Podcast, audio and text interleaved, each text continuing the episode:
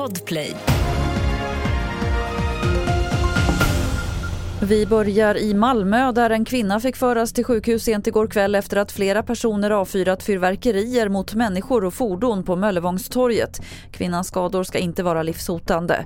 Även en väktarbil ska ha träffats av fyrverkerierna. Det finns inga uppgifter om att polisen gripit någon misstänkt. Natten till idag började det brinna på brandstationen i Holmsund några mil söder om Umeå. Branden var kraftig och förstörde hela vagnhallen och stationens fyra brandbilar. Vid fyra tiden hade man lyckats begränsa branden. Det finns inga uppgifter om att någon ska ha skadats, inte heller om hur branden startade.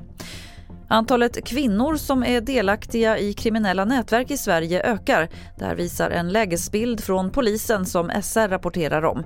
Enligt den tros nästan 500 kvinnor vara med i kriminella grupperingar och det är en ökning med 100 kvinnor jämfört med förra året och 200 från år 2021. Fler nyheter finns på tv4.se. Jag heter Lotta Wall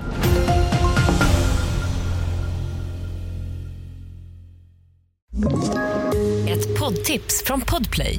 I fallen jag aldrig glömmer djupdyker Hasse Aro i arbetet bakom några av Sveriges mest uppseendeväckande brottsutredningar.